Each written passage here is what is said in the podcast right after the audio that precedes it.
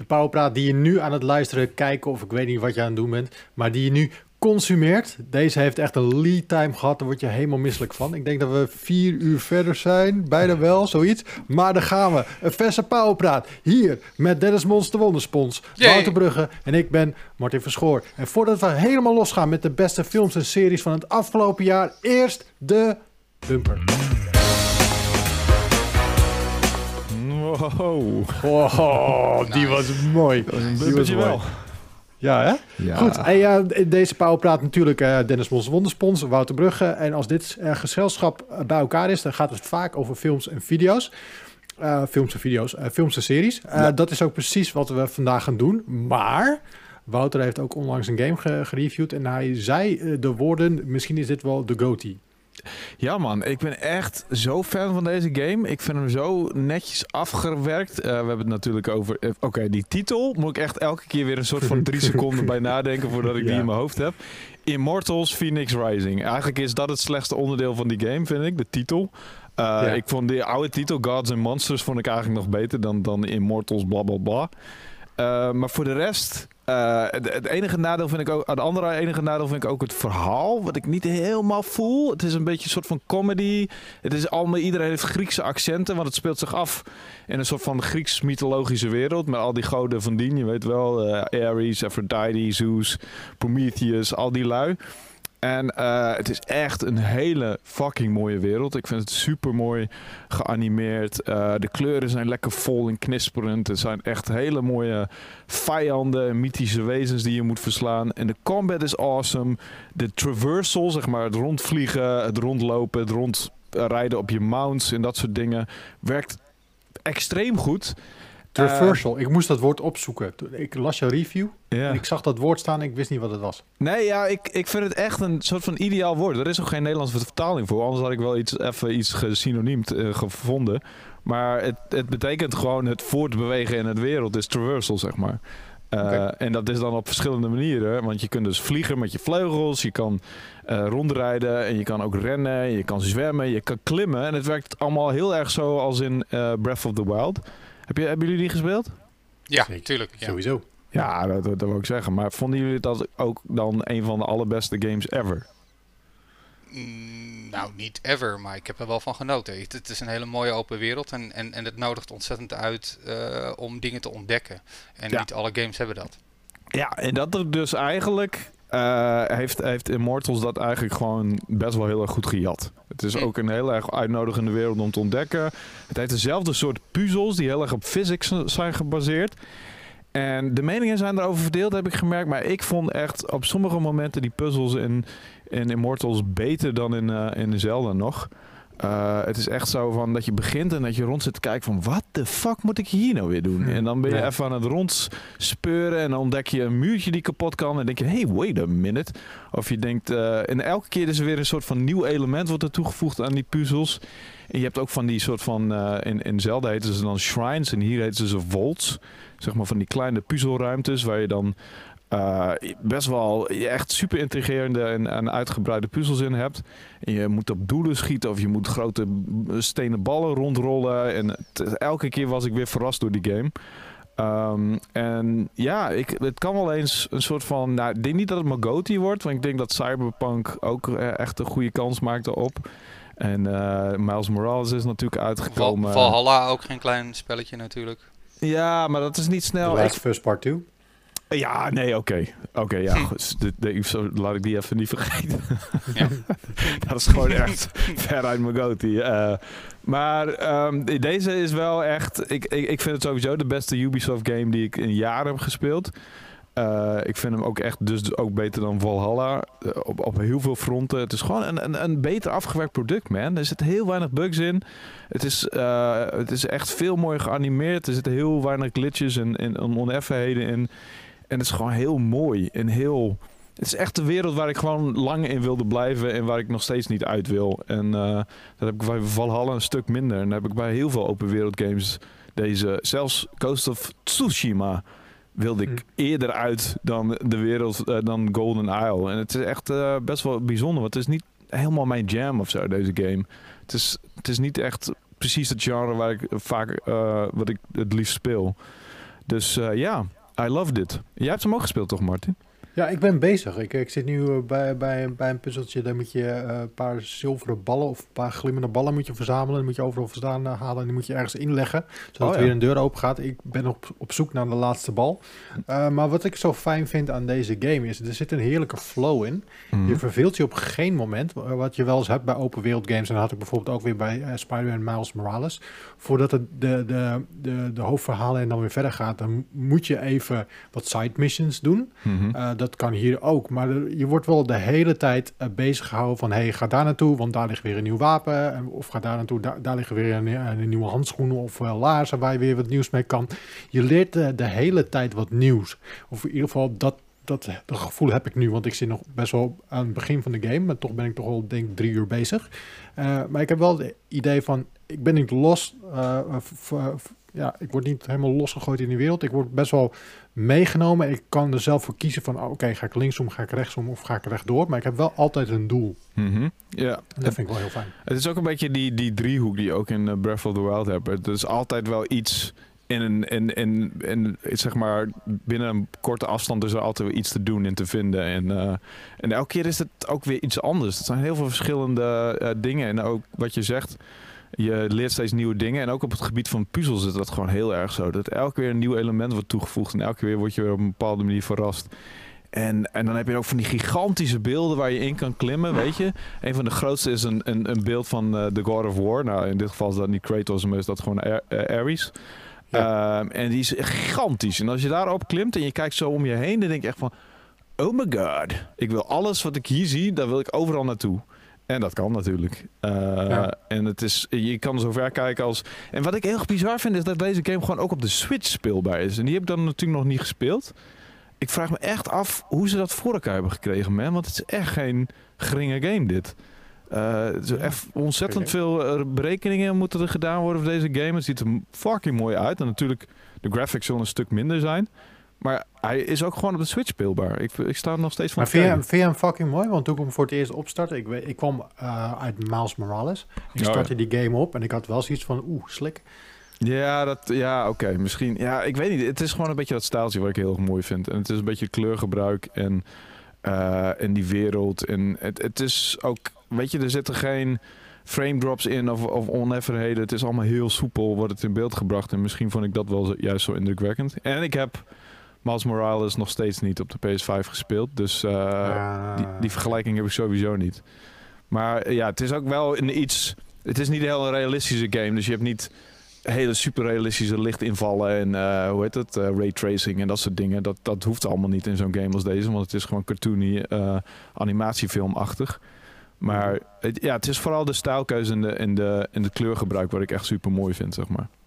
Ja, nou weet je wat ik tof vind aan deze game? Hij stond echt totaal niet op mijn radar. Uh, ik, uh, Cody had hem al eerder gespeeld, Jacco had hem al eerder gespeeld. Die waren heel enthousiast. Mhm. Mm -hmm. Maar ik had toch gewoon een beetje zoiets van... Ja, laat ze me lekker lullen, die gasten. Ja. Uh, maar nu ben ik hem zelf aan het spelen. En, en, en ik voel hun wel. Mm -hmm. het, um, het is misschien, dit is misschien wel gewoon de verrassing van het jaar. Ja, ja, precies. En dat, is ook, dat maakt het ook wel extra fijn hoor. En daar word ik er ook wel extra blij van. Want als je het niet ziet aankomen en als je een beetje zoiets van, nou, laat, laat spelen. En ook het begin vond ik ook nog best wel een beetje saai. Want het duurt best wel lang voordat je al je powers een beetje uh, krijgt. En voordat je. Aan het begin is het echt een hele simpele adventure game. En dan bouwt het zich steeds verder uit. En dan worden de, opties steeds uitgebreider. En dat duurt wel even. Uh, dus in de eerste paar uur had ik echt zoiets van. Sterker nog. Uh, ik, ik, sprak Jacco, want ik, hij had een PS5 voor mij gehosseld. Dus ik was even naar Den Haag gegaan om die op te halen. En toen had ik net. Uh, is Jacco die scalper die al die PS5. hij heeft even een PS5 gehosseld. Oké, okay, ja. Is het, is het Jacco die al die PS5 inpikt van alles en iedereen? Nee, het is niet zo kut. Het is, Oude scalper. Hij had, er, hij had er echt twee pre-orders. Eén bij Bol en één bij Amazon, zeg maar. Ah. Dus die van Bol die was echt op de dag binnengekomen op 19 november, zeg maar. En die was voor hem. En die andere had hij voor mij uh, bewaard. Wat ik echt enorm waardeer natuurlijk. Want anders had ik nog steeds geen PS5 waarschijnlijk. Dus ik was even in, in, langs gegaan in, in, Den Haag. En toen sprak ik hem. En toen zei ik...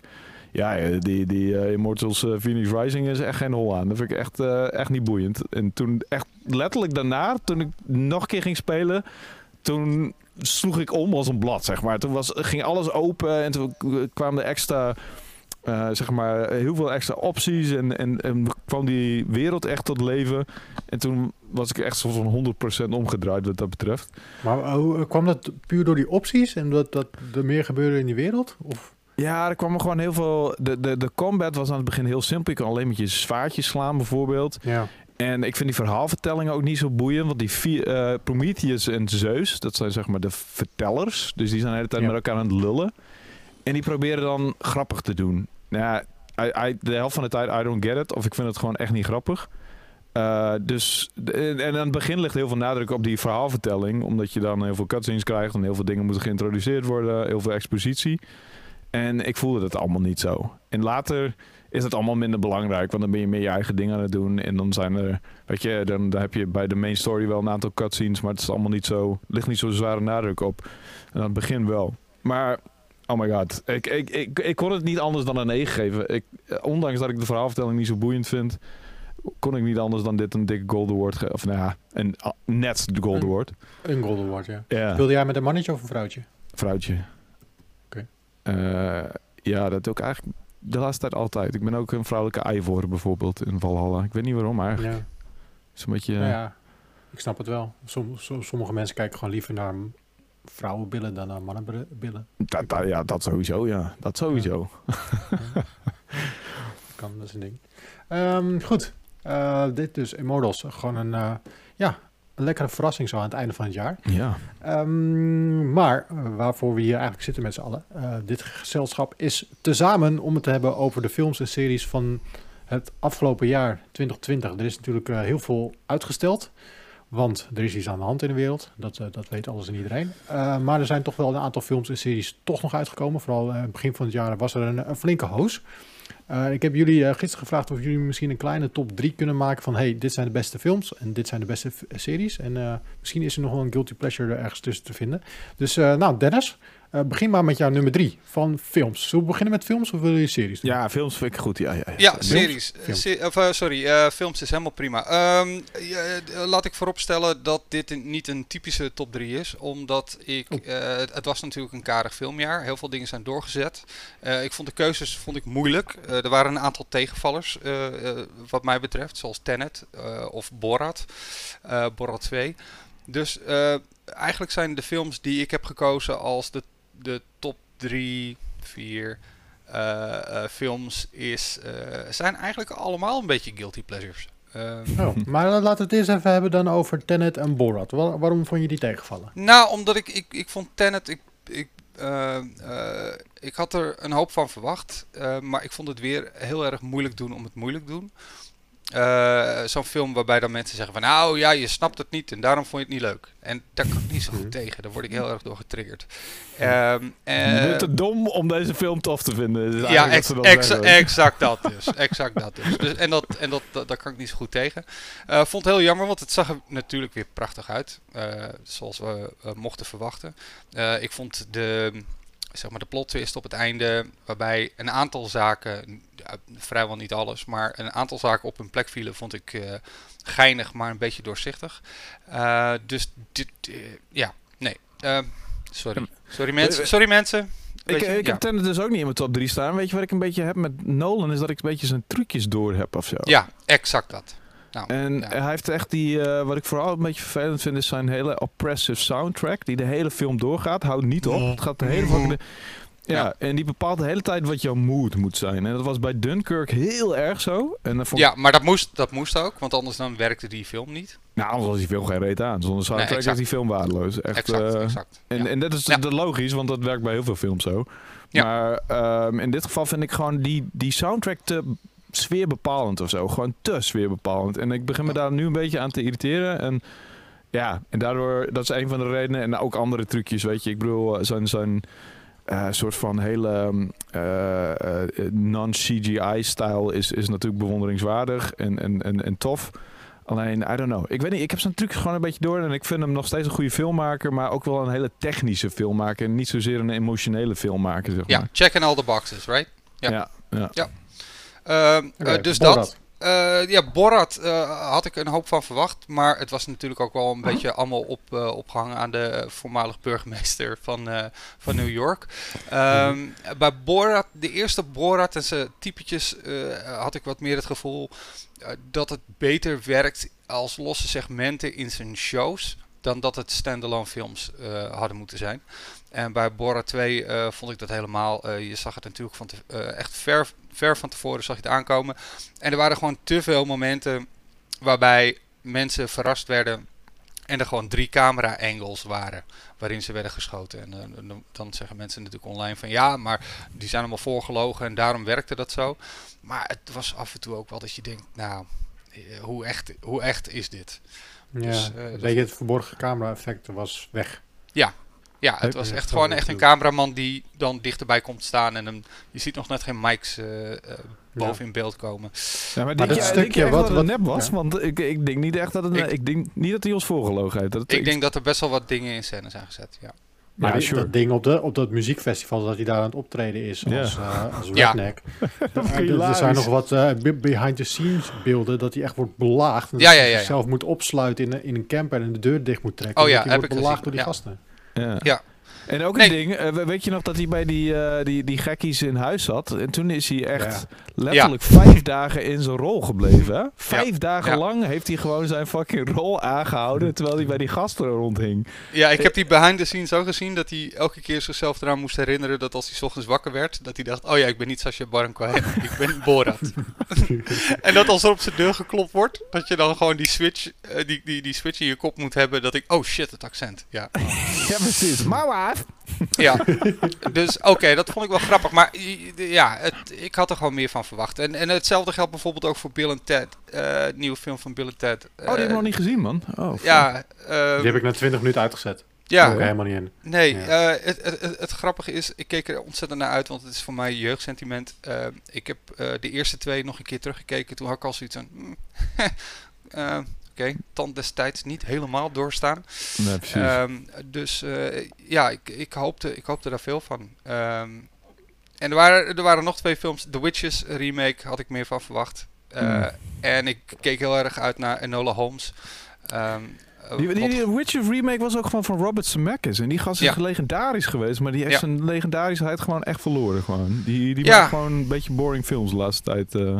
Nou, het was enorm kiddie en er zat geen gelaagdheid in, zodat je als volwassene ook nog zoiets hebt van, eh, eh, oké, eh, Hmm. Mhm. ik vind dit nog steeds tof. En eh de, de eerste Dat had je eh, oorspronkelijke wel natuurlijk, want Ja. dat is een Ja. verhaal. Ja. En, en, en dat is echt, ja. ja, nou goed. Oh, eh, anyway, eh, eh, tot zover de dingen waarvan ik echt dacht... eh, Dit was je top ah, 3 niet. Nee, nee. Ehm, eh, op, op drie heb ik eh, die Invisible Man staan.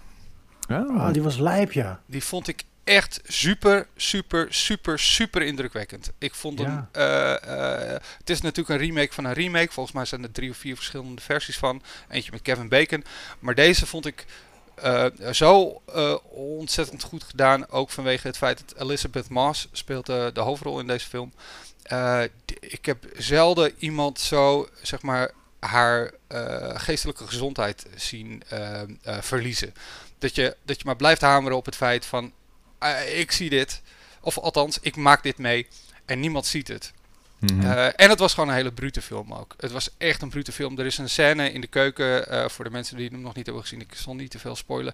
Scène in de keuken waarbij ze gewoon van, weet je, alle muren van de ruimte ziet. ehm, en, en je ziet alleen haar. En het is, it, it freaked me out. En een van de dingen die me echt opviel aan die film, is het gebrek aan muziek. Althans, er, er zit wel wat muziek in, maar heel weinig. Waardoor elk shot van een, van een halletje of een deuropening of eh, noem het. Het is echt zo. Het, het is dat creepy gevoel dat mensen soms hebben dat iemand naar je kijkt. En dat vond ik echt heel erg goed gedaan in die film. Mhm. Dus, Ja. ja.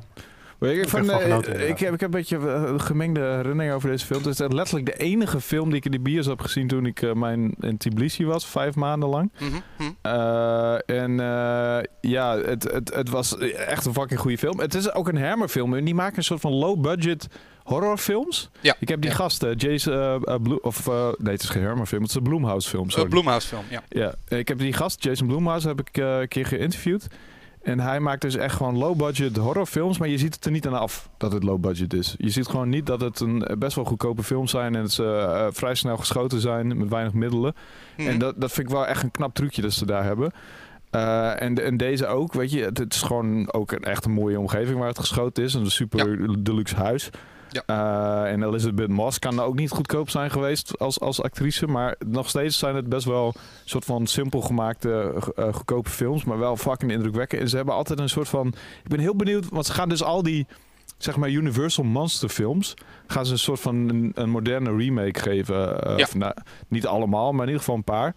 En dit is dus Invisible Man. Nou, als je kijkt naar het origineel, het is eigenlijk bijna geen overeenkomstigheid, behalve dan dat er Nee. allebei een, een onzichtbaar persoon in zit. Ja. maar voor de rest is het een totaal andere film. Heel erg gemoderniseerd. Wat ik dan wel een beetje jammer vond, is dat... Ik vond het een beetje een cliché over, van een horror cliché van...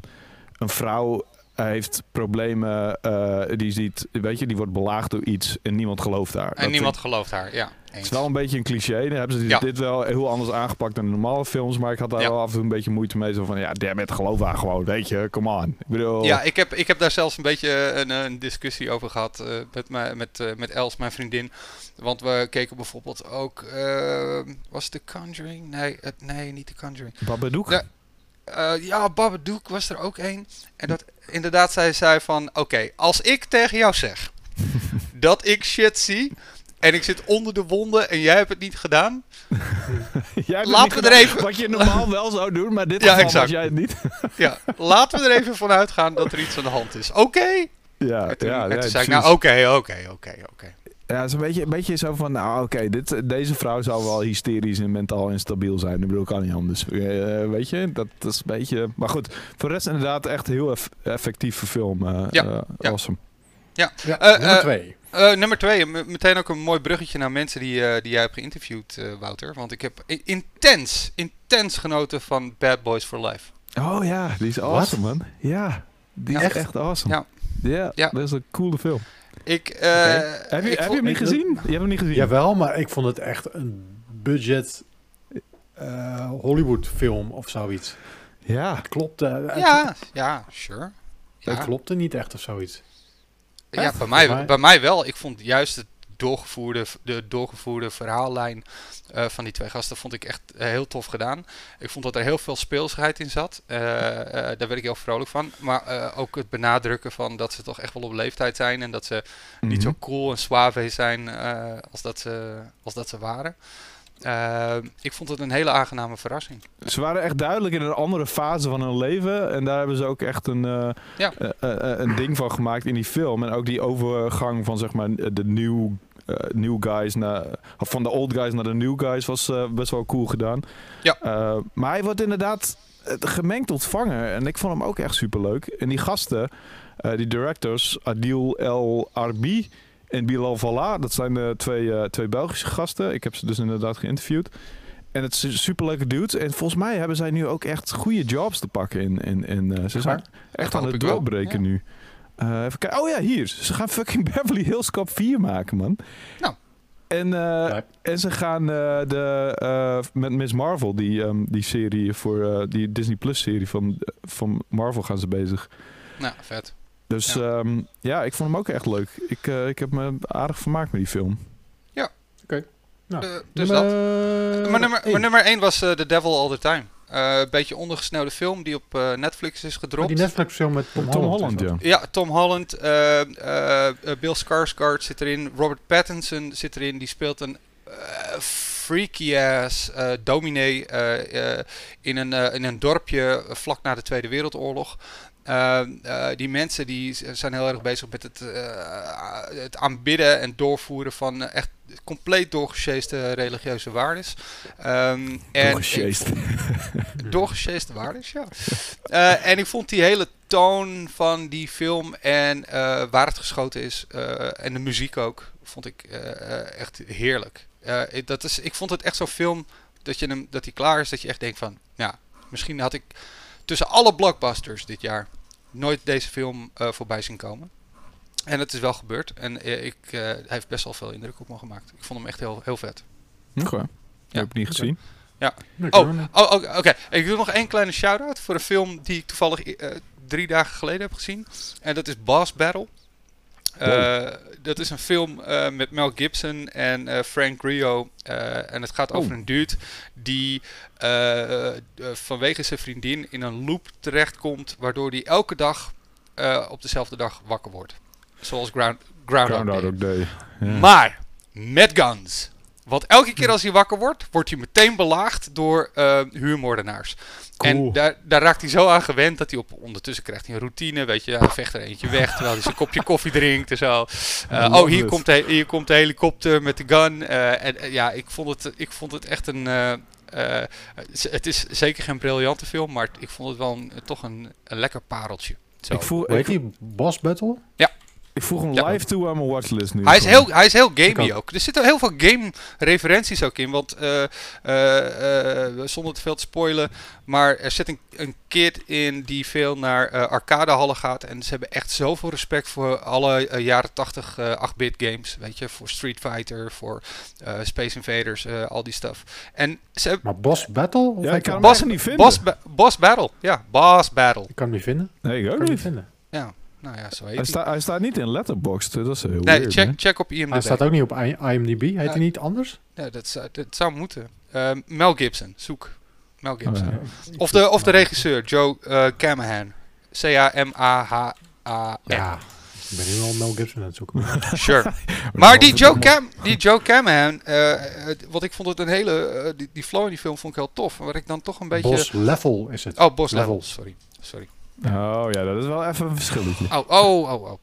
Maar gelukkig, wat ik... gelukkig dat we dat nog even eh, in de bad genit hebben daar. D- Dit is, Ja. dit is correct. Want anders wa- wa- waren, waren heel veel mensen heel boos. Ongetwijfeld. Ja. Wat ik wel weer een Terecht beetje jammer vind, is dat eh Camahan best wel indruk heeft gemaakt met eh, eerdere films. Eh, niet heel veel budget, maar die gaat nu een remake maken van The Raid. Oh, En- waarom zou je die nou remaken? Godsman? Exact! Exact dat. Maar er is echt geen enkele reden voor. Nee. En trouwens, Dread was eigenlijk al een remake van, Ja. eh, Ja. van The Raid. Dus zeg dat. het was een Ja. beetje hetzelfde concept van een, een gebouw vol met bad guys. Gooi er één badass gast in. En, Ja, en je eh, begint beneden en je moet naar boven. daar, daar is de, dat is ook een boss level eigenlijk. Het is heel Donkey Kong is het eigenlijk. Ja, inderdaad ja. Ja. Hè? Maar waarom zei je... Inderdaad, dat was één... Garrett Edwards is volgens mij die... Nee? Nee, nee Ja, ik Ja, volgens mij... Nee, eh, Garrett Evans. Oh ja. Ja. Nou, in ieder geval echt een super harde actiefilm. Ja. Ik, die choreografie in die film kun je nooit beter doen dan, dan wat het was. Dat is Nee, daar onmogelijk. zijn, daar zijn heel wat polsen en enkels gebroken, denk ik zomaar. Ja, en nekken ook, jongen. Tering. Wat een film is dat. Ja. Oké, cool. Maar goed, dat is dus mijn, eh, eh, mijn verborgen pareltje. Eh Lijp. Buzz Level. Sorry. nice. Ja. Nou, Wouter. Daar kom je. Ja, ik, ehm, eh, ja, laten we beginnen bij drie. Ik heb gewoon eh, eh, Birds of Prey of The Fantabulous Emancipation van, Har- van een karakter genaamd Ha- Harley Quinn. Back lekker ook, hè, die titel. Tering lange titel. Hebben ze nog ook nog even veranderd, echt op het einde. Want ze waren nog een soort van in paniek op het einde, vlak voordat de film uitkomt, dat het niet goed zou gaan.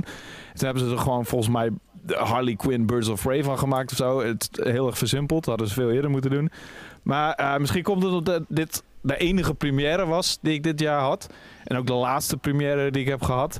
En het is ook de enige nieuwe superheldenfilm die eigenlijk dit jaar uit is gekomen. Dus dat speelt ook wel een beetje mee. Maar ik werd hier heel erg blij van. Het is echt een eh, super kleurrijke film met een hele fijne cast. Eh, Margot Robbie, eh, Mary Elizabeth Winstead, waar ik heel erg blij van word altijd. En Ewan McGregor, fucking Obi-Wan zit er gewoon in als bad guy. Eh, toffe actie, net genoeg humor. En wat ik ook aan, eh, aan- tof aan vond was de, de, de visie van de makers van Gotham City. Er zitten heel veel details, heel veel locaties en heel veel eh, eh, designwork in. Die stad ziet er echt heel erg cool uit. Nog beter dan bijna in, in de Tim Burton Batman films. En ja, ik heb er echt van genoten. Ik vond hem echt lachen. Ik vond hem echt fijn. Ik werd er, het was een feel-good film. En ehm, hebben jullie hem gezien? Ja. Jij was niet zo'n indruk, hoorde ik, eh, Dennis. Nee. Wat vind je er mis aan? Nee, I don't know. Ik, ehm, eh, hoe eh, gek genoeg vond ik eh, eh, Margot Robbie als Harley Quinn vond ik in Suicide Squad heel tof. De, een van de weinige punten waarom ik die film toch nog goed kon handelen. Ja. En nu vond, voelde het toch te veel dat, dat de, film uit balans was. Ook vanwege het feit dat ze letterlijk weer omringd wordt door allemaal mensen. En dat vond ik eigenlijk ook wel bij Suicide Squad. eh, omringd wordt door allemaal mensen met superkrachten. En het enige wat ze doet is eh, paardenstaartjes dragen, veel vloeken en een honkbalknuppel smijten. En ik weet niet. Ik, ik vind dat gewoon niet zo'n. Ik vind, haar, ik vind haar op papier en in comics vind ik haar heel tof. Ik vond haar in Suicide Squad ook wel tof. Eh Margot Robbie vind ik overigens echt gewoon een fantastische actrice. Laat ik dat Mhm. vooropstellen. Ja. Eh, het pakte me gewoon niet zo. Oké, fair enough. Het was, het was niet slecht. Laat ik dat vooropstellen. Ik vond, nee, hem, precies. ik vond hem denk ik wel een 6,5 7 Suicide Squad kom ik niet verder dan een 4. Oh nee, Super, Suicide Squad vind ik echt een, eh een 1. Gewoon echt een full Ja, dat was echt een drol van een film. Ja. Fair, fair dat enough. is sterker nog, ik, had, de- ik was eh, eh, Empire, dat is een van, was altijd een van mijn favoriete filmbladen. Mhm. Die heeft hem toen vier sterren gegeven. En toen Ja. heb ik echt een tijdje met hem gebroken gewoon. Toen dacht ik echt van, nou oké, ik kan jullie niet meer serieus ja. nemen als je deze schijf Ik kan me dat ook nog herinneren, inderdaad. En, en, en ze hebben het ook best wel lang over gehad, ook op de podcast. Het is een beetje net als jouw 8,3.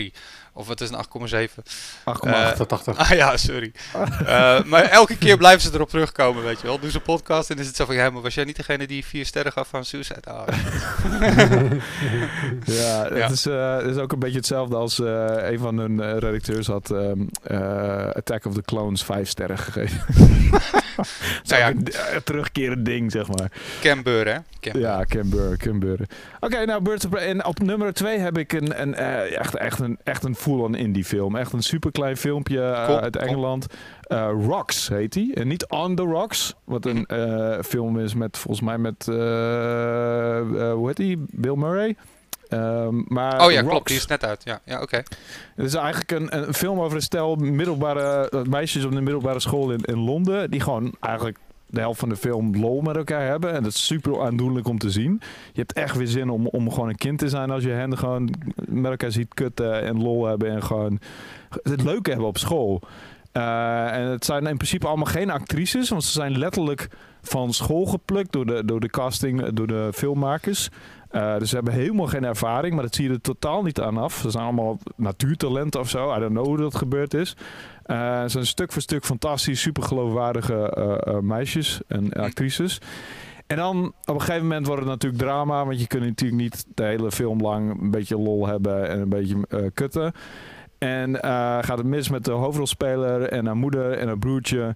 En dan wordt het echt een enorm vertederend verhaal over vriendschap, over liefde, over familie en over eh, multiculti zeg maar.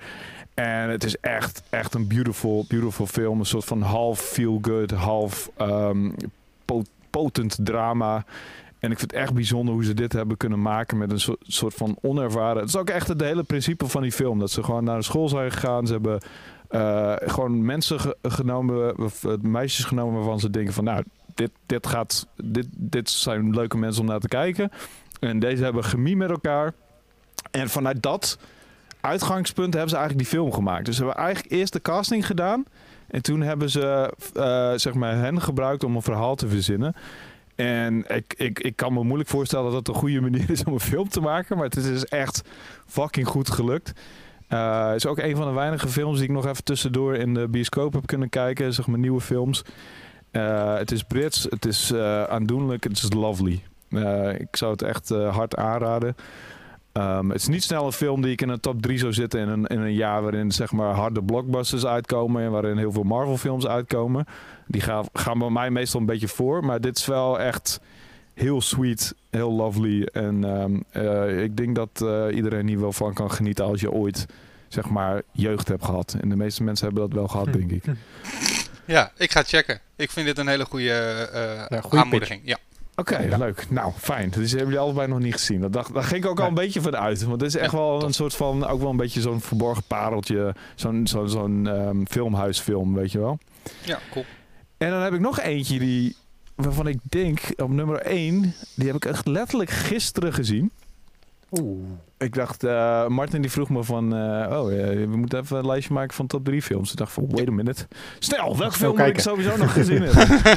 Eh, en toen heb ik even snel een film aangekeken, die, aangezet die ook al gewoon op Netflix staat. Maar het is echt zo'n film die, die ook zonder poeha op Net- Netflix is verschenen. En eh, heeft bij mij nooit in de recommendations gestaan. Is echt nooit langsgekomen, maar ik, ik ken hem dus via een filmpodcast. Eh, het heet His House. En het gaat over een stelletje dat vlucht uit eh, Zuid- Zuid-Sudan naar een stadje in Engeland. Echt een fucked up huis gaan ze naartoe.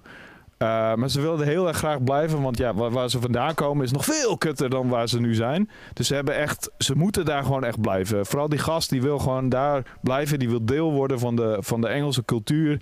Eh, die gewoon een nieuw leven opbouwen. En dan begint een soort van fucking freaky horror, maar ook echt psychologisch drama tegelijkertijd. Eh, heel erg emotioneel, want dat koppeltje heeft het echt zwaar, man. Ze het echt kut voor hun. Ze zijn uit hun land ges- eh, gevlucht. Er zijn nog veel meer erge dingen met ze aan de hand. Ze worden niet geaccepteerd door de cultuur daar. Ze zit constant druk op hen. Eh, van alle kanten, op alle mogelijke manieren. De wereld is echt niet eerlijk tegen, tegen ze. En je gaat echt eh, vluchtelingen in, een ander licht zien hierdoor. Waardoor het ook best wel een soort van belangrijke film is, denk ik. En het is met Wunmi Mo- Mozaku. En dat is bij deze ook meteen een van mijn favoriete actrices. Want zij speelt ook in mijn favoriete serie eh, van dit jaar. En eh, het is echt een heel erg bijzondere horrorfilm. Het is net zoveel drama als horror. Eh, ik was net zoveel outgefreakt als dat ik zeg maar emotioneel aangegrepen was. Heel erg mooi geschoten. Er zit ook heel erg best wel veel CGI in. Voor wat ik denk niet, dat niet een heel erg zeg maar dure film is. Of, een, of het is sowieso best wel een soort van independent film, denk ik. En eh, eh, heel veel eh, mooie dingen worden, bijzondere dingen worden gedaan met beeld en met eh, ehm, zeg maar special effects. En er zit ook echt wel full aan een soort van fantasy horror in. Het is niet heel erg subtiel soms. Het wordt ook echt wel in je, in je gezicht geblazen op een gegeven moment. Dus verwacht ook echt wel ja, full-on horror. Mooi. Ehm, Nice. Ik vond het echt, echt een hele bijzondere film. Vooral de, de, de, zeg maar de twee hoofdrolspelers fucking goed. En, eh, en er zit ook nog een Doctor Who in. Eh, ik weet niet meer hoe die gast heet. Maar een van de vele Doctor Who's. Eh, hoe heet die knakker ook weer? Voor David Tennant was hij. Of was hij juist na David Tennant? Anyway, best wel een bescheiden rolletje. eh, maar wel zo'n gast waarvan je denkt... Oké, jij bent echt een soort van Engelse legende. En hier speel jij gewoon de mediator tussen zeg maar, het koppeltje in de hoofdrol en de, Nederla of de Engelse government. En ehm, ja, hier eh, zat ik gisteren wel even eh, met open kaakjes naar te kijken. Echt, ik dacht van wow, nog even op de valreep en mijn favoriete film van het jaar. Echt waar? Lijp. En het staat gewoon op, eh, op Netflix. Staat hier Nice. gewoon. Nice. Echt een beetje Ik heb, plannen, ik, heb, ik heb plannen vanavond dus. ja, Helemaal goed. Hoe heet hij ook alweer? His His House. House. His House. Oké, schrijf ik ook op. Krijg ik nog druk, joh. Ja, ik ben, ik ben benieuwd wat jullie ervan vinden. Want het is wel zo'n film die zeg maar... Ik denk niet dat iedereen ermee weg gaat lopen. Eh, en dat heb ik eigenlijk een beetje met al- alle films in mijn top drie. Eh, ja, sommige films zijn echt van die... films waar iedereen het over eens is. Helemaal als het om sommige blockbusters gaat. En dat is meestal... Weet je, als Dune bijvoorbeeld nog dit jaar was uitgekomen... Ik hoop dat hij dan op nummer 1 had gestaan in mijn lijst. En dan was waarschijnlijk... Weet je, het is een Denis Villeneuve film... Uh, waarschijnlijk was dat echt de knaller van het jaar geweest. Maar ja, het is gewoon een anders jaar. Het is gewoon heel anders. Het is gewoon... Ja, het is, het is wat dat betreft is het ook gewoon een beetje een raar jaar hoor. Want ik, eh, ik, ik was ook een beetje aan het graven. Ik, ik schrok een beetje toen Martin zei van, eh, wat, is je top 3? En toen dacht ik van, oké, wat, oh, oh, En normaal gesproken is het echt zo top of mind. Zo van, ja, die en die Ja. en die en die. Ja. En dan moet je, dan moet je kill your darlings. En eh, ik, ben, ik ben ook een beetje aan het zoeken geweest van wat is er eigenlijk allemaal uitgekomen in 20- 2020. En er stonden heel veel films tussen die inderdaad van die kleine pareltjes zijn. Die heel hoog eh, eh, scoren. Maar Mhm. die ik gewoon nog niet heb gezien. Dus ik, ik heb nu echt wel een mooie watchlist. Ook mede dankzij jullie. Ja. Eh, ligt er een beetje aan wat Martin ons nu gaat vertellen natuurlijk. Ik heb, ik heb geen top 3 gemaakt, jongens. Want ik heb echt... eh, Bar weinig gezien. Ja, ik heb best wel veel gezien, maar als ik film kijk, dan is het vaak zijn het he- van die, van die lompe actiefilms. Mhm. Weet je, Zoals Bad wat Boys. ik tof... nee, ja, d- dat soort dingen, dat kijk ik dan. En die vond ik dan wat minder. Maar weet je wat ik bijvoorbeeld tof vond? Eh, dat zat ik aan te denken, dus ik zocht net even op van wanneer kom je uit. Die kwam eigenlijk pas uit in, die kwam al uit in december 2019. Mhm. Oh. En dit is die Michael Bay film Six Underground. Dat Oh, vond ik ja? echt een heerlijke overtop actiefilm. Daar heb ik echt van zitten genieten, terwijl iedereen die haat. Ja joh, die, scoort echt ook super laag overal. die staat echt in de lijstjes van de slechtste films ever zo'n beetje. de Ja, slechtste heb ik- Netflix films en zo. Ja. Ja, hem daar niet gezien, echt hoor. van genoten. En ook hetzelfde met die, eh, met die, eh, die, die guy die Thor speelt. Die had ook een film op Netflix dit jaar. Extraction. Ja, Ja? Extraction, ja. Vond, vond ik ook geweldig. Weet je, dat verhaal gaat helemaal nergens over. Maar die, die actie is zo lekker in your face, over de top. Daar kan ik dan echt van genieten. Heb En je ik- Powers ook gezien? Powers, ja, die heb ik gezien. Ja, ik ook. ging die ook- Och, mijn hemel. Ja, die, ja, die vind ik ook nog best wel cool. Daar heb ik ook nog wel Ja. van. Dit zat, die had wel een soort van flair. Een soort van, eh, je had echt van die shots, van die slow-mo shots. En dan gingen ze inzoomen op druppels. En dat zag er vet uit, man. Dat is waar. Ja. En, en dan heb je ook nog die, eh, die Vin Diesel film. Dat die ook... Bloodshot, eh, ja. Bloodshot, ja. Die heb ik nog niet gezien. Ik ook niet. Die is, die is, ja... weet Lekker dom, toch? beters te- Eh, we hebben het ook bijvoorbeeld nog niet gehad over The Gentleman, de nieuwe film van Guy Ritchie. Oh ja, Eh, maar daar heb ik echt... eh, oh ja, wat, eh, die was ik aan het kijken. En toen ben ik maar gewoon halverwege iets anders gaan doen. eh, of zo. Ja. Ja, ik vond hem ook wel tough. En dat vind ik wel jammer, want ik hou van Guy Ritchie. Maar, Ja. ja. Hm. Ik Ja. vond zelfs die, de zijn Arthurian film vond ik nog beter dan, dan The Gentleman. Ik dacht, ik vind Oh, eigenlijk, come on! ik heb letterlijk in mijn review op Letterboxd gezegd van ik heb eigenlijk liever dat hij nu gewoon andere dingen doet dan eh, zijn zeg maar standaard films maken, want ik vind zijn als hij iets anders probeert vind ik het eigenlijk boeiender, want ik vond Aladdin ook leuk. Ja, Aladdin vond ik ook tof. Vond ik ook tof. Gek genoeg. Echt? Ja, ja Oh. vond ik ook tof. Ja. Iedereen lacht me uit daarom dat ik die Nee. film tof vond. Nee. Don't care. Ik vond... Ik, ik vond... Ik was... tof, hè? Ik, Ja, ik maar stond, het, had, het had dezelfde energie als die tekenfilm. En het was echt... Ja, eh, ik werd er echt vrolijk van. Ik voel Will Ik- Smith Ik niet goede... gezien. Uh, uh, moet ik eigenlijk niet over hebben, want het is volgens mij is het een 2018 film of zo. Maar Ja. uh, omdat we het over Guy Ritchie hebben en Sure, hij, ja. Uh, ja, ik vind het een van de betere uh, um, live-action remakes van, van Disney animatiefilms. Ik werd echt Absoluut waar. Ik Ja. hem echt cool. Nou, ik ben Ja. blij Hey, dat ik heren, niet alleen in sta. We trappelen verder naar, naar, naar de series. Ja, We gaan naar de series. ik vond het een uitstekend jaar voor series. Echt uitstekend. Uh, Ik heb van heel veel dingen ontzettend genoten. ik Uh, ben ik zal, naar je lijstje. Ik Ja, naar je ik zal- ik zal Maar niet... welke vielen er tegen? Welke eh, had je meer van verwacht? Oeh, dat is een Of strikvraag. verval ik je nu, hè? Eh, Ja, ik, want- ik, ik, kan- ik kan wel even tussendoor ik, vind dat, ik, vind dat, ik vind dat ook een strikvraag. Want, want op het moment dat iets me tegenvalt, ga ik niet doorkijken. Als je begrijpt wat ik bedoel. Dus Ja, I don't dat know. Eh, ja, drop het, Wouter. Eh, ik, ehm, ik was dus een heel groot fan van eh, What We Do in the Shadows. Eh, er is een film, er is ook een serie van. Serie eerste seizoen vond ik echt geweldig. Het gaat over dus een, het is een soort van mockumentary over eh, vampiers en die wonen samen in een, eh, in een huis. Ja. En eh, fucking, het, het, het is hilarisch. Het is eh, van de, Jermaine Clement en die is sowieso een eh, grappenmaker, puur zang.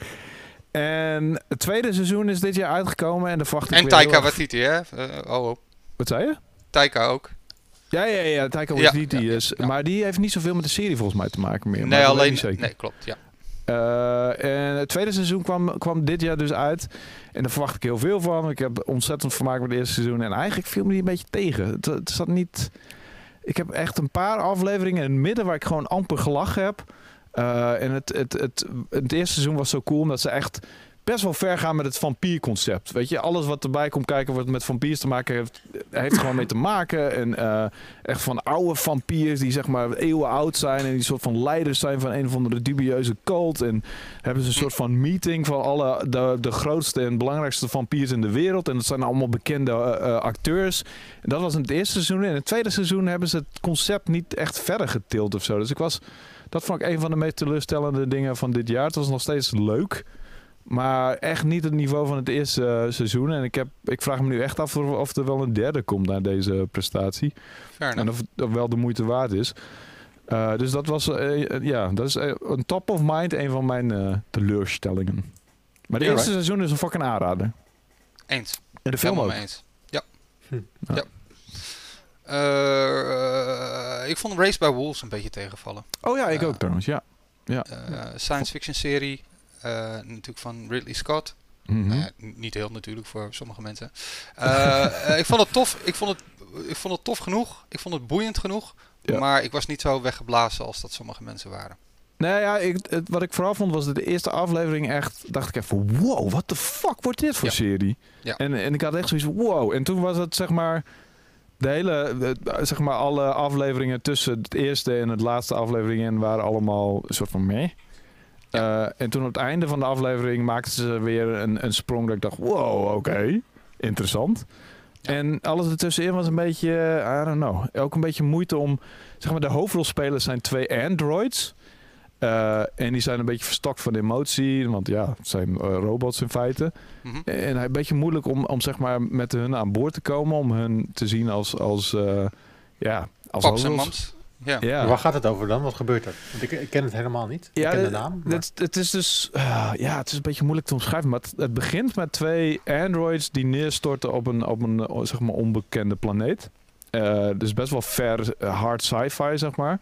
En, eh, en dan gaat het over hoe zij, ja, eigenlijk heel veel wat ik hiervan zeg is een beetje spoiler, want voor mij was het de hele verrassing over dat ik geen idee had waar het naartoe ging, maakte het voor mij vooral de eerste aflevering heel erg boeiend. Ja, nou, eh, la- laten we in ieder geval, je kan in ieder geval wel zeggen dat eh, die twee androids die voeden kinderen op naar, naar, naar eh, volgens op, op een manier waarvan zij denken dat dat het beste is. Ja. Maar er is een reden waarom ze neerstorten op die planeet, want op, op aarde was het niet goed toeven. En Ja, het blijft niet rustig op die Ja. planeet waar ze neergestort zijn. En Dus wat, een van de interessante elementen ervan is een soort van religieuze sci-fi cult. Ja. Eh, en dat idee ervan. En dan komt ook die dude van Vikings kom in, één keer om de hoek kijken. Hoe heet die gast ook weer? Laf, uh, Lafnar uh, Ro- Rofbroek. Alleen dan zijn echte naam. Dat is een naam. Ja, ik weet het ook even niet helemaal. Sorry. En die gast vind ik altijd mooi om naar te kijken. En hij, heeft, hij heeft iets gek zo. Het is niet necessarily een hele goede acteur, maar ik blijf wel echt zo naar hem staren. Zo van, wow, jij bent interessant. Eens. Interessant. Ja, een goede, Ja, goede, gast. ja, eens. Het, Nou charisma, ja, we zijn maar. aangekomen bij, eh, bij je top 3. Ja, oké, oké, oké. Eh, eh, Mijn top 3. ik ga niet de Mandalorian droppen, oké? Want eh, d- het- dat is too obvious. Oké, Dus- dan doe dus- Hoezo, het wel. maar hoezo mag dat niet? Ja, ik doe dat Ja, wel. Dat een vette serie. ja. Ja, het is, het is een fantastische serie, maar ik, ik vond het gewoon zonde voor de, voor de andere drie dat, dat ik één plekje moest inleveren dan. Dus Ah, hey. Mandalorian, geinig joh. Eh, met, eh, ik noem hem voorlopig nog Baby Yoda voor de mensen die nog niet eh, dingen weten. Anyway, eh, Mandalorian aan de kant. Mag jij straks Maar moet je, hem- mag je hem nou ook niet meer...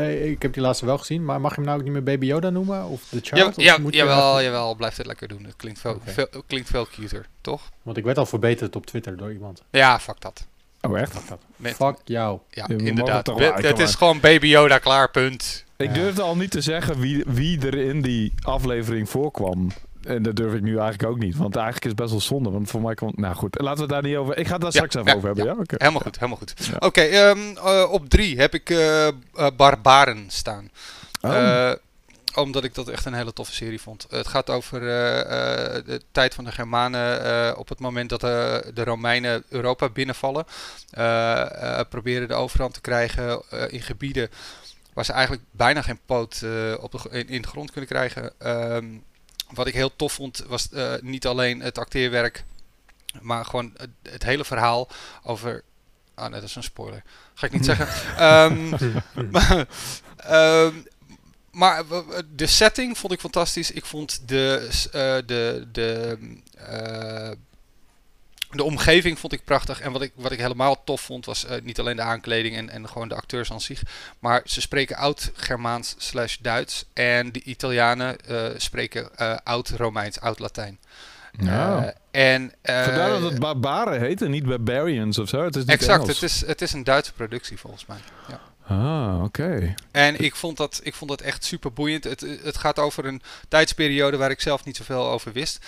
Eh, ik, was, ik raakte helemaal meegesleept en eh, ben er toen ingedoken. eh, en ik hou ervan als, series dat voor elkaar krijgen. Dat je ineens je gaat verdiepen op Google van bepaalde plekken of bepaalde tijd, tijdstippen of, of, of bepaalde personen in de geschiedenis. Dus ik vond dat echt, echt een... Ik heb die echt gebinged. Gebinged. Bam. Het is een afges- afgesloten serie, ook vier afleveringen volgens mij. Oh, het is Oh, een eh, miniserie. Oh, dat is Ja. chill. Oh, dan ga ik het even, even kijken. Ah, Dan ga ik het En er kan kijken, een ik had vervolg niet- komen, maar hij is wel geschreven als een afgesloten serie. Dus, Cool. Heel chill. Ja. Dat heb ik heel vaak met series. Dan heb ik zoiets van, ah, dan ga ik dat kijken en dan heb ik het op het einde. Dan moet Ja. ik weer een jaar wachten op een nieuwe Ja. serie. En dan Ja. gaat het wel of niet door. En dan gaat het misschien nog acht jaar door. Want Ja. eer een serie winstgevend wordt, hebben ze vier seizoenen nodig. Ja. Ja. Daar heb ik soms gewoon geen zin in. Nee, Ja, ik heb er zelfs een trauma aan overgehouden vanwege Lost. Dus ik, ik trap Ja. daar niet meer in. Op Ja, donder. maar mini, miniseries worden steeds populairder hoor. Dat komen steeds vaker langs. Eh, Ja. Ik heb er nou toevallig net niet een geen één op mijn lijst staan. maar ik weet wel dat er. Ik kan ook geen voorbeelden noemen, maar ze zijn wel. Ze worden steeds vaker gemaakt en ik vind het ook een beter format eigenlijk. Want ja, je weet wat je eraan hebt in plaats van die onzekerheid over nou Ja. komt er weer een anders. En ook het open einde houden en de rekening mee houden en het schrijven van nou, als er nog een nieuw seizoen komt, dan moeten we even wat achterhouden, weet je wel. Mhm. Dat, dat hoeft dan allemaal niet. Nee, Eh. nou, ze doen, het, ze doen het wel een beetje bij Barbaren, maar niet zo obvious dat je denkt van, oh, er moet nog wat komen. Right. Meer zo van, er kan nog wat komen. En dat is prima. Ja. Eh, eh, mijn tweede is trouwens ook een afgesloten miniserie. Eh, dat is Queen's Gambit. Oh ja, daar hoor ik Eh, veel van. Maar ik dacht echt van Daar hoor een, ik heel veel van. ja. een, Het is een serie een over van- een schaakster. hè? Ja, het, ja, nee, geloof me, zelfs als je niks met schaken hebt, is het nog steeds een hele toffe serie. Eh Anna Taylor-Joy speelt een, eh, een meisje die eh, zich eh, omhoog werkt binnen de hele mannelijke wereld van het schaken. Want ja, meisjes die zijn dom. Eh, zeker in die tijd waarin het zich afspeelt. Wat zeg je nou, Eh, joh? Ik kan het niet zeggen. Hoe doe je? Hoe durf je? Ja. Mond. Vrouwen haten. Goed. Ja, Ja, jij, ga- gaat dit knip, jij gaat dit knippen en op Twitter gooien, hè? Tuurlijk, waarom ook niet? Anyway, eh, maar het is niet alleen een ontzettend goed geacteerde eh, serie. Eh, nogmaals, je hoeft niet zoveel met schaken te hebben. Ik heb vroeger als, eh, als jonge tiener, als kind en jonge tiener heb ik zelf wel geschaakt. En ik kreeg weer helemaal de kriebels om weer achter een bord te gaan zitten.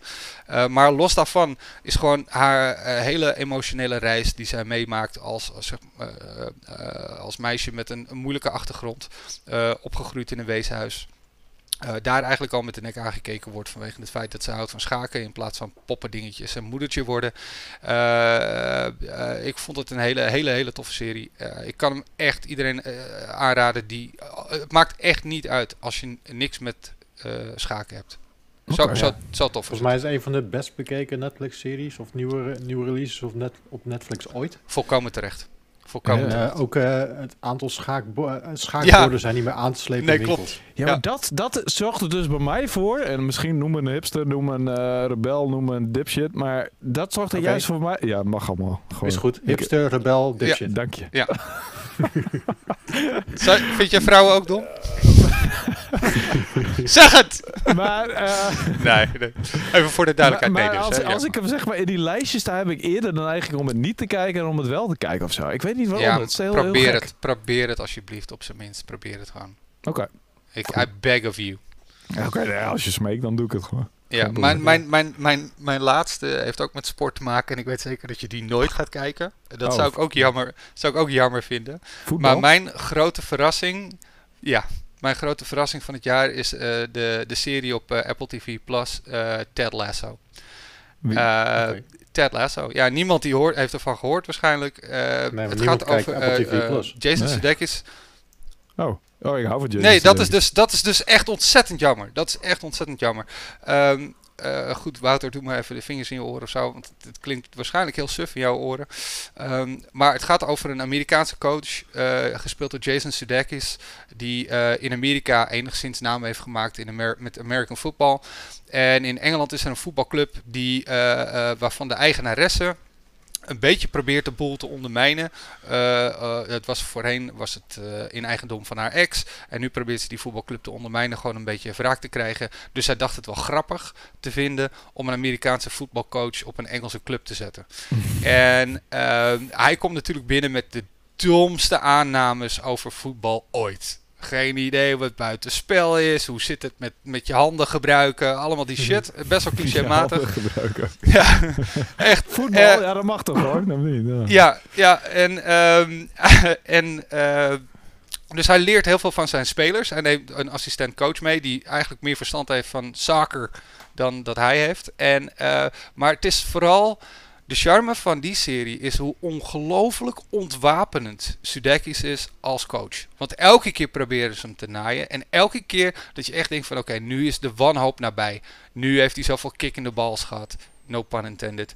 Eh, komt hij weer met, met een stukje feel good nou, het is, ik, ben, ik ben zelden zo blij geweest van een, van een, van een tv-serie. Het is echt zo cute. Het is zo grappig. Het is, eh, de characters zijn eh, ontzettend uiteenlopend. eh, en het is gewoon jammer dat het eigenlijk alleen op Apple TV Plus te vinden is. Hm. Oh, Plus, is dat nog... Hè? Plus.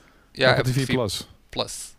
Apple is TV het? is het apparaat en Apple TV Plus is de dienst. Oh ja, natuurlijk. Oh, ja, sorry. Ja, natuurlijk.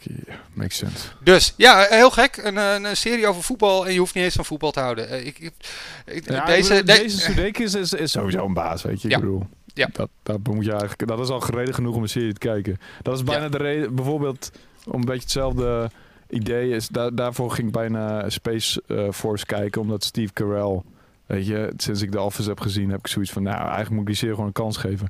Ja, maar Kwa- die- kwam je daar niet doorheen? Ik vond het best wel leuk. Space Force, ja, nee, ik ben er dus nog niet aan begonnen, maar omdat Oh. ik hoorde dat ik veel negatieve geluiden erover hoor, maar... Oh, nee, ik vond het echt wel een lekkere wegkijker, weet je. Net als dat je de nieuwe Star Treks eh, tijdens het eten eh, eh, voorbij eh, schuift. Dat. Ja, ach- achtergrond noise inderdaad. Ja, Ja. oké. Ja, Hmm. right, fair enough. Oh, leuke lijst, man. Eh, allemaal thanks. dingen die ik niet gezien heb. Ja. Dus eh, daar, heb ik weer, daar kan ik weer wat kijken. En helemaal eh, chill dat de miniserie, eh, twee miniseries zijn. Want dat, eh, daar rag je even doorheen. Ik eh, heb dat niet. Eh, ik heb allemaal series die gewoon ja, lopend zijn. En die waarschijnlijk tweede van krijgen. Misschien denk ik, hoop ik wel een tweede seizoen. Mhm. Eh in tweede zijn ook, ervan zijn ook HBO. Want ik ben echt een HBO-fan, man. Oh my Snap god. Ja. Ehm, ondanks de laatste twee seizoenen van Game of Thrones, die natuurlijk een fuck-up van je welste zijn. En ook eh, Westworld is niet heel erg best geworden, maar ze hebben zoveel goede dingen. Little Big Lies, Sharp Objects. Ze hebben echt high-quality television. Euphoria is zo fucking goed. En The Outsider. Eh, en dat is een... Ja, eh, die is fantastisch. Die heb ik ook in mijn lijstje staan. Hier heb ik wel een klein lijstje van gemaakt. Oké. Oh, oké, cool. Ehm, dit is echt, stel je hebt True Detective, hè?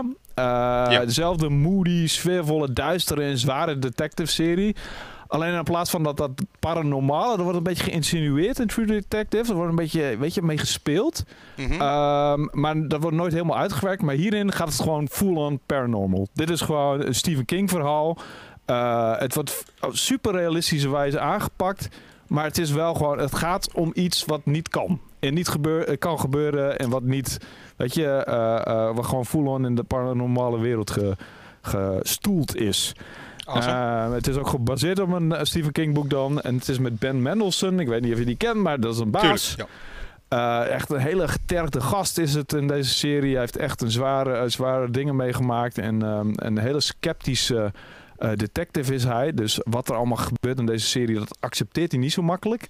Eh, dat vindt hij allemaal niet kunnen. En hij gelooft er ook niet in. Dus dat is ook nog een ding. Hij moet overtuigd worden. Hij is een beetje, hoe heet die gast van eh, David Duchovny in de X-Files? Nee, nee, nee. Eh, hoe heet ze?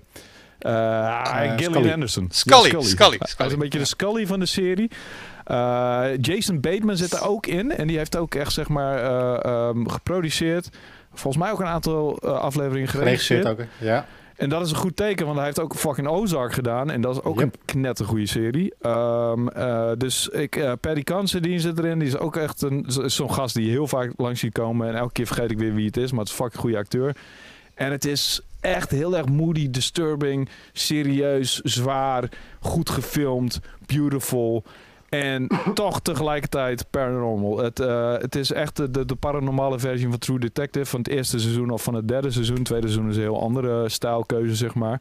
Right. Ehm, en eh, I love deze serie. Ik heb net eergisteren de laatste aflevering gezien. En het, ook, ook het einde viel niet tegen, want het is natuurlijk moeilijk om zo'n paranormaal ding, weet je, uit, als je naarmate je dichter bij de waarheid komt en naarmate je er meer achter komt dat de waarheid gewoon echt full-on bad shit crazy is, eh, kan het zeg maar eh, een beetje minder interessant worden. Daar heeft deze serie amper. En ook de afronding is fucking goed gedaan. Ben benieuwd. Het wordt wel gespeeld na een tweede seizoen. Uh, kan me voorstellen dat hij minder goed wordt. Maar ik ben wel benieuwd wat ze uh, gaan doen met het tweede seizoen. Oké. I love deze serie. Echt uh, HBO um, op zijn bijna best. Want ik heb op mijn nummer 1 is HBO op zijn best wat mij betreft. Uh, en dan heb ik... ik heb wel gewoon Mando ik gedaan, kan het... Ik, Oh, wel Mando. Ik had, ik had verwacht dat je nog een eh, ander pareltje ertussen zou eh, mikken. Ja, maar dit is ook nog nummer 2, hè? Ik ben Ja. nog niet klaar. Oh ja, oké. En dan, oké, dan vermoed ik... Oké, op 2 dan? Ik denk dat je mijn nummer 1 wel kunt... eh, volgens mij heb ik denk- die bij jou ook lopen. eh. Ja, ik heb, dat? ik heb hem nog niet gezien. Maar ga, ga door, ga door. Ja, Mando tweede seizoen. I love it. Het begon al met die eerste aflevering. Met die fucking mega draak die die af moest maken. Het was fucking cool. Het zijn Ja. nog steeds... Het is een hele simpele serie. Het is een soort van aaneenschakeling van sidequests de hele tijd. De- zeg maar die formule die in het eerste seizoen was, die heeft hij nog, houden, houden ze nog steeds aan. En ik voel het nog steeds. Ik vind het nog steeds heel cool. Eh, heel erg actiegericht. Simpele verhaaltjes. Hij moet altijd iets oplossen samen met iemand. In elke aflevering is het eigenlijk weer hetzelfde wat dat betreft. Maar hoe ze de Star Wars wereld uitbreiden en hoe ze eh, zeg maar ehm, de, de, de, de Star Wars expanden op deze manier vind ik zo fucking cool gedaan. En het is Ja. eigenlijk eh, nog steeds een sci-fi western. Eh, en dat is een van mijn favoriete genres. Kijk maar naar bijvoorbeeld Firefly is ook eigenlijk een sci-fi western. En, ehm, en het bereikte echt een hoogtepunt met de aflevering The Jedi. Eh, daar werd ik echt een beetje, daar ging mijn Star Wars liefde bloeide op. Ja, ik snap, ik, ik snap dat. En, en, en ik wil er ook nog even bij, eh, eh, bij invullen dat het is absoluut een, een space western. Maar Mhm. die aflevering, die aflevering, even los van het feit dat het natuurlijk gewoon dingen aanhaalt ook van de animated series. Ja, die stijl zeker. waarin het geschoten is, is gewoon zo Kurosawa. Is zo ontzettend Oh, ja. eh, tribute aan eh, oude Japanse eh, samurai films. Ik vond het zo vet. Zo Ja. vet. Ja, ik, ik, ik, ik hou van deze serie. En ik ben ook weer opnieuw begonnen met de Clone Wars. Want daar ben ik ooit mee begonnen. Heb ik de eerste twee seizoenen gezien of zo. Maar Hm. om echt de volledige context van deze serie te begrijpen, moet je echt de Clone Wars hebben gezien. Eh, helemaal om te begrijpen eh, over welke characters het hebben en welke characters erin zitten. En het is echt, het, het verdiept, eh, de red wat mij naar die afschuwelijke The Rise of the Poopwalker. Waar ik echt nog steeds boos van word als ik er ook maar een seconde aan denk. eh, heeft het voor mij betreft echt de Star Wars eh, fandom weer gered. Ik ben Zoals weer ik met Last aan. Jedi. Ja, zoals ik met Last Jedi. Ja. Ja. Ik, ik moest ook drie keer, ik moest drie keer nadenken. Ik heb toevallig de boxset van eh, de, de Skywalker saga, Blu-ray boxset heb ik, heb ik aangeschaft. Echt? Ja, maar ik heb heel lang met mijn vinger boven de bestelknop gehangen. omdat ik aan de ene kant vond dat ik als Star Wars fan echt met een tatoeage, alles erop en eraan en starships in mijn huis en whatever. Dat het, ik kon het niet maken om dat niet te hebben. Maar ik bleef wel de hele tijd zo van, ja, maar dat zijn gewoon drie films, die ga ik nooit, meer, nooit nog een keer kijken. ja, goed, op anyway. Disney Plus. Ja, ja, I know, I know, maar dit is, dit is zo'n dingetje. Als je eh, ergens gek op bent, dan wil je een physical copy, right? Eh, Ja, is, heb ik ook wel. Dat is bij maar de- ja, ik, ik zou hier dus... Ja, ik zou eigenlijk dan alleen de Last Jedi kopen. Gewoon uit een soort van... Fuck you. Het is, Maar- ik heb ook gewoon, ik heb de films eh, online gevonden op niet Disney Plus. En The Last Jedi is, ik heb letterlijk gewoon de Ewok films erop staan. Ik heb de, de Holiday Special erop staan. Behalve, alles behalve The Last Jedi. Hey, Anyway. er is ook een, is ook een, rem- een, een animatiesversie ja, van de klopt, van Lego. Special, ja? Lego. Ja, Dat is ook Lego. Ja, het is best wel cute. Best wel cute. Oké, meer niet. eh, without much further ado Ja. ga ik even naar mijn Ja. nummer 1. Doe En dat is, eh, het is een soort van racial drama. Het is een horror. Het is een soort van avonturen. eh, Indiana Jones-achtige serie bijna. En dat allemaal samengestopt tot een hele bijzondere HBO-creatie genaamd Lovecraft Country. ja. Ehm, ah, is die dope? Ja man, ik vind het echt super vet. Die staat op mijn lijstje.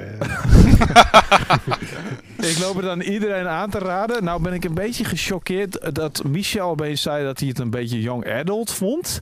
Wat Mhm. ik echt niet snap. Maar ehm, hij, waarschijnlijk, hij had naast een operatie gekeken en hij was waarschijnlijk eh eh, gedrugged dat hij dat dacht. Maar ik, ehm, eh, elke aflevering van deze serie gebeurt er weer iets bad shit crazy. Weer nieuwe crazy shit. Van monsters tot en met magie, tot en met body horror. Uh, dit is echt nog een serie die ik nog nooit eerder heb gezien. Niets wat erop lijkt.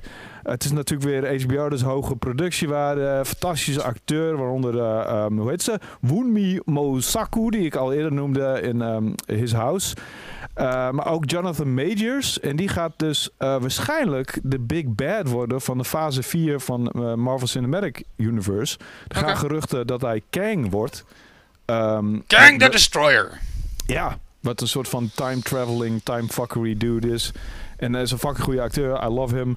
Uh, Zit J.J. Abrams er ook niet achter? Ja, klopt. Uh, nou ja, dat, dat vind ik niet echt een heel groot voordeel. Want ik ben niet een enorm J.J. Abrams fan. Maar ik, het, het is een fucking goede serie. Uh, en ook nog eens uh, Journey Smollett. Die, zit, die speelt trouwens Black Canary in, in Birds, um, Birds of Prey. Ik, deze serie is echt eh, elke aflevering weet me weer te verbazen op een andere manier. Elke aflevering smijt weer dingen naar je gezicht dat je denkt van what the fuck is going on? en ook, ook wel echt emotionele dingen, ook wel echt uh, dingen waar je over na gaat denken. Um, en er is ook een. Het is eigenlijk een beetje hetzelfde als His House wat dat betreft. Want dit is ook uh, mensen die constant bedreigd worden, ook buiten de horror shit om. Want het speelt zich in de jaren 50 af. En dit zijn uh, donkere mensen. En ze, ze, ze, wonen in de meest racistische uh, omgeving op de wereld, ergens in de States. Ik weet niet precies welke staat. Maar ze worden dus ook niet alleen door crazy magische horror shit belaagd, maar ook door uh, racisten. En die zijn dan ook nog een soort van mages. En het, is, het gaat zo ver. Uh, het heeft niet heel veel met Lovecraft te maken. Uh, ik weet ook niet precies waarom het Lovecraft Country heet. Misschien is het gewoon een smaakmaker en een titeltrekker. Ja, het is ook een beetje een genre naam geworden ondertussen. Hè? Ja, precies. Maar het is niet die, het is niet die horror die Lovecraft is. Het gaat eigenlijk een beetje verder dan dat. Nou ja, nee, eigenlijk gaat er niks verder dan Lovecraft horror. Want dat is met aliens en dat is met magie. En dat is ook alles wat je kan bedenken boven natuurlijke. Maar, um, en ook vooral de limieten van je mind. En dat is niet echt waar deze serie over gaat. Maar desondanks is dit echt... Uh, ja, ik stond echt elke aflevering weer te kijken hiervan. Ik, ik, kon, ik kon amper beseffen wat ik allemaal zag. Dus... Uh, wat mij betreft een super harde aanrader. En ook qua CGI en zo. Het is allemaal zo goed gedaan. Want het is HBO. En die, en die weet je, die, die, um, uh, die doet altijd zijn best. En die gooit er altijd fucking veel geld tegenaan. En die gaat altijd volledig voor elke serie die ze maken. Ja. Um, totdat de makers zelf er geen zin meer, hebben, uh, meer in hebben. Kijk maar naar Game of Thrones. Maar tot die hm. tijd heb je altijd goede shit te pakken bij hun. Uh, wat mij betreft. En nu hebben ze een soort van experimentele horrorgenre aangetapt. Waar ik echt denk van dit is echt ook onvergelijkbaar met iets wat ik eerder heb gezien. Uh, elke keer komt er weer een nieuwe laag bovenop. Van, van freakiness of van uh, bizarheid of van magie. En um, I love it. kan, ik, ik hoop. Ik heb nog weinig mensen over kunnen overtuigen. Ook omdat het HBO is en niet iedereen heeft dat. En uh, ze hebben moeilijk om te krijgen. En dan moet je zig over hebben. Dus ja beetje lastig om uh, mensen zover te krijgen. Maar ik hoop dat ik bij deze mensen zover krijg. En ik hoor graag jullie mening erover. Want misschien ben ik hier... Weet je, misschien is dit mijn hipste mening en, en, en delen jullie die niet. Net zoals Michel.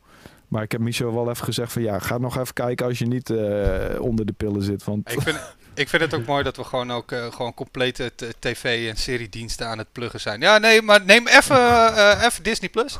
Neem even Apple TV Plus. Neem even Ziggo. Neem even, ja, ja. ja maar het is ja. wel erg enorm verdeeld allemaal. En het ding is wel, wat ik nu, nu ik op terugkijk, vind ik wel jammer dat ik niks van Amazon Prime heb. Want daar ben ik best wel fan van de laatste tijd. Hm.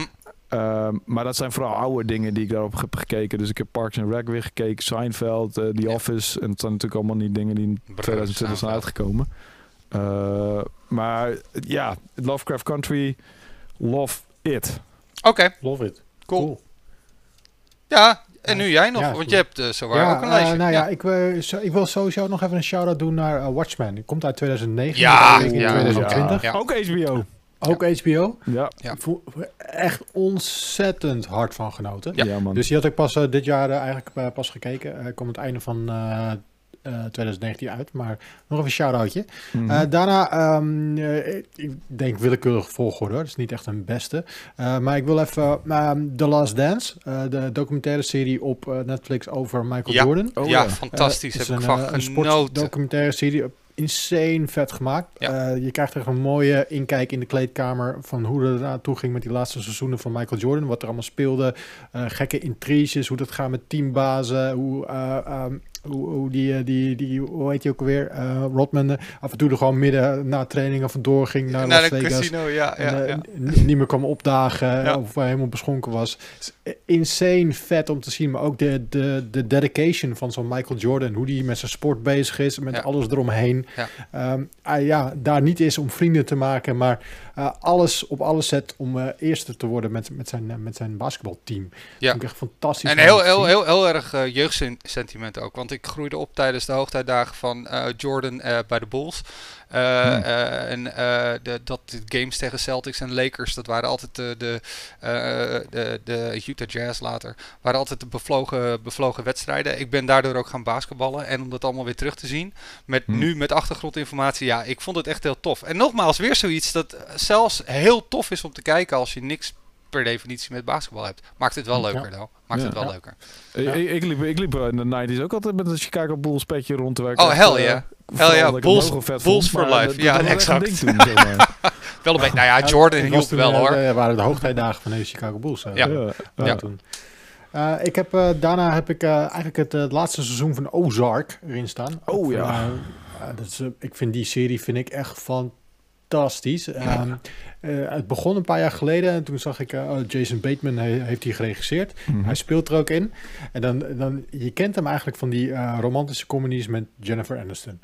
Hoeft niet slecht te zijn, maar het is allemaal, hij heeft daar gewoon een vast rolletje. Ja. En ehm, ik, bij de eerste seizoen van Ozark, toen ehm, zie je ook meteen van, hey, hij is ook al echt een goed regisseur. Mhm. Hij kan echt een sfeertje neerzetten en hij regisseert zichzelf ook. Maar je ziet ook echt verschillen in de afleveringen die hij heeft geregisseerd en die an- iemand anders heeft geregisseerd. Vet. De aflevering van hem vind ik ook echt beter gewoon. Ehm, Mhm. Sowieso de hele setting van die serie vind ik tof, maar ook eh, die familie die je volgt, je leeft er helemaal in mee. En die laatste, eh, laatste seizoen vind ik ook echt fantastisch. En daarna ga ik meteen door naar die outsider, wat jij ook al zei. Hij, hij speelt er ook in, hij heeft ook afleveringen geregisseerd. En als je die serie nog niet hebt gezien, eh, dat is er eentje om op je lijstje te zetten, die outsider van HBO. Dat is Mhm. fantastisch. Ja. Ik, Cool. ik duik er bovenop. Het, het is de, we hebben een hoop te kijken, jongens.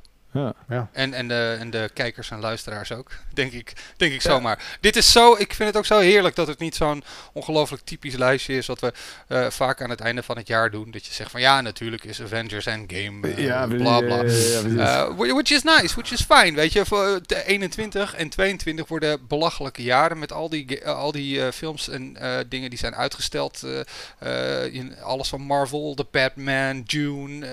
Nou ja, maar, maar zeg maar even, wat is wel als je in eh, 2021 één film mag kijken en één serie mag kijken? Welke, welke gaan het zijn? Oeh. Ja. Mandalorian eh, seizoen 6, A. Eh, en eh, ik ben, ja, ik ben eh, gek genoeg, eh, ondanks het feit dat ik wel heel erg eh, natuurlijk van Marvel hou. En ik, ik keek uit naar die Eternals, die aan het einde van dit jaar nog uit had moeten komen. Eh, eh, ik zit niet te wachten op Black Widow, maar dat terzijde. Eh, wil ik gewoon wel zien wat Patterson doet met Batman.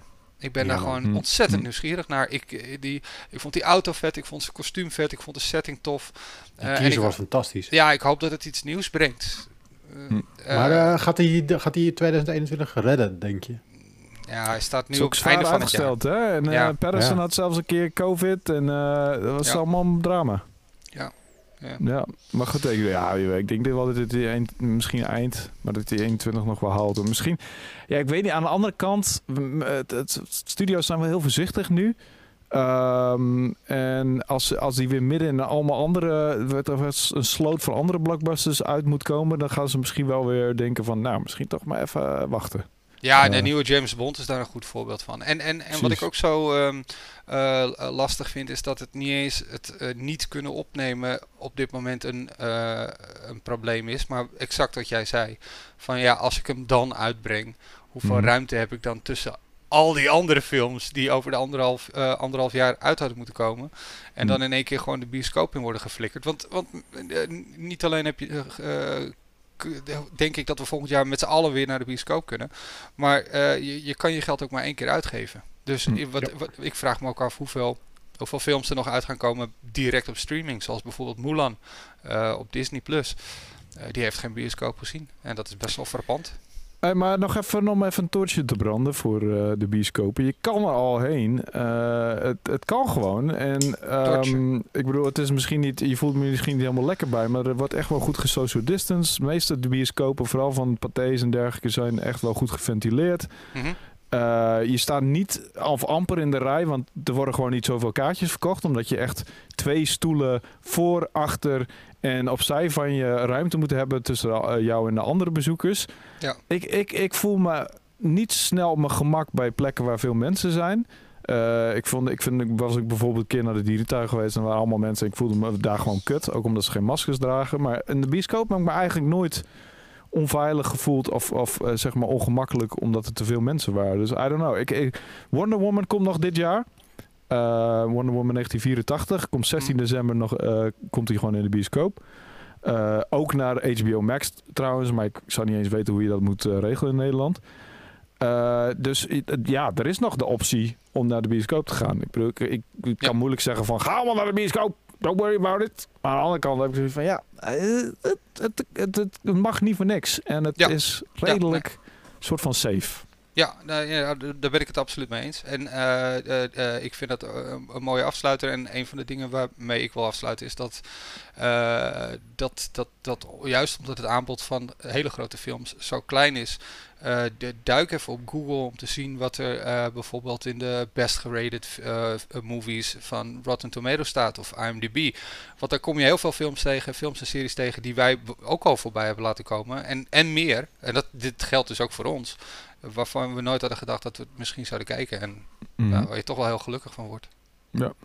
Steun de filmindustrie is wel een beetje... Ja, eh, ja, ja, hebben- die heeft ook echt fucking moeilijk nu hoor. Ja. Damn. Ja. Ik bedoel, het zijn niet allemaal Harvey Weinsteins die eh assholes Nee. zijn met veel geld. Nee, Eh, nee. Het zijn ook allemaal onafhankelijke filmmakers die eh, echt een dik in de trouble zitten en weet ik veel wat allemaal. zeer zeker. Ja.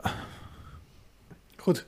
Nou, ik- mag ik jullie bedanken voor het aanrollen bij deze Powerpraat van deze week. Ja, was z- heel aangenaam. zeker. Het, het eh, Ja, mocht ik even duren, het maar ik vond het We- heerlijk. We hebben al eh, een tijd niet meer over films gebabbel- gebabbeld. En dit Hm. waren de beste drie films en de beste drie series van het afgelopen jaar. Heb je nou ook een mening? Ongetwijfeld. Drop je hier gewoon onder in de, in de comments wat jouw eh, top drie is van films en top drie is van series van het afgelopen jaar. En dan kunnen we gewoon meer lijstjes aanvullen. Want eh, ja, weet je, meer lijstjes is beter. En vond je dit nou een fijne video of vond je dit nou een fijne podcast? Geef ons ergens een duimpje omhoog of abonneer op een kanaal. Eh, doe iets zodat je niks mist van onze Powerpraats video's, podcast en dat soort dingen. Ja. Doei, groetjes. Doei! Doei!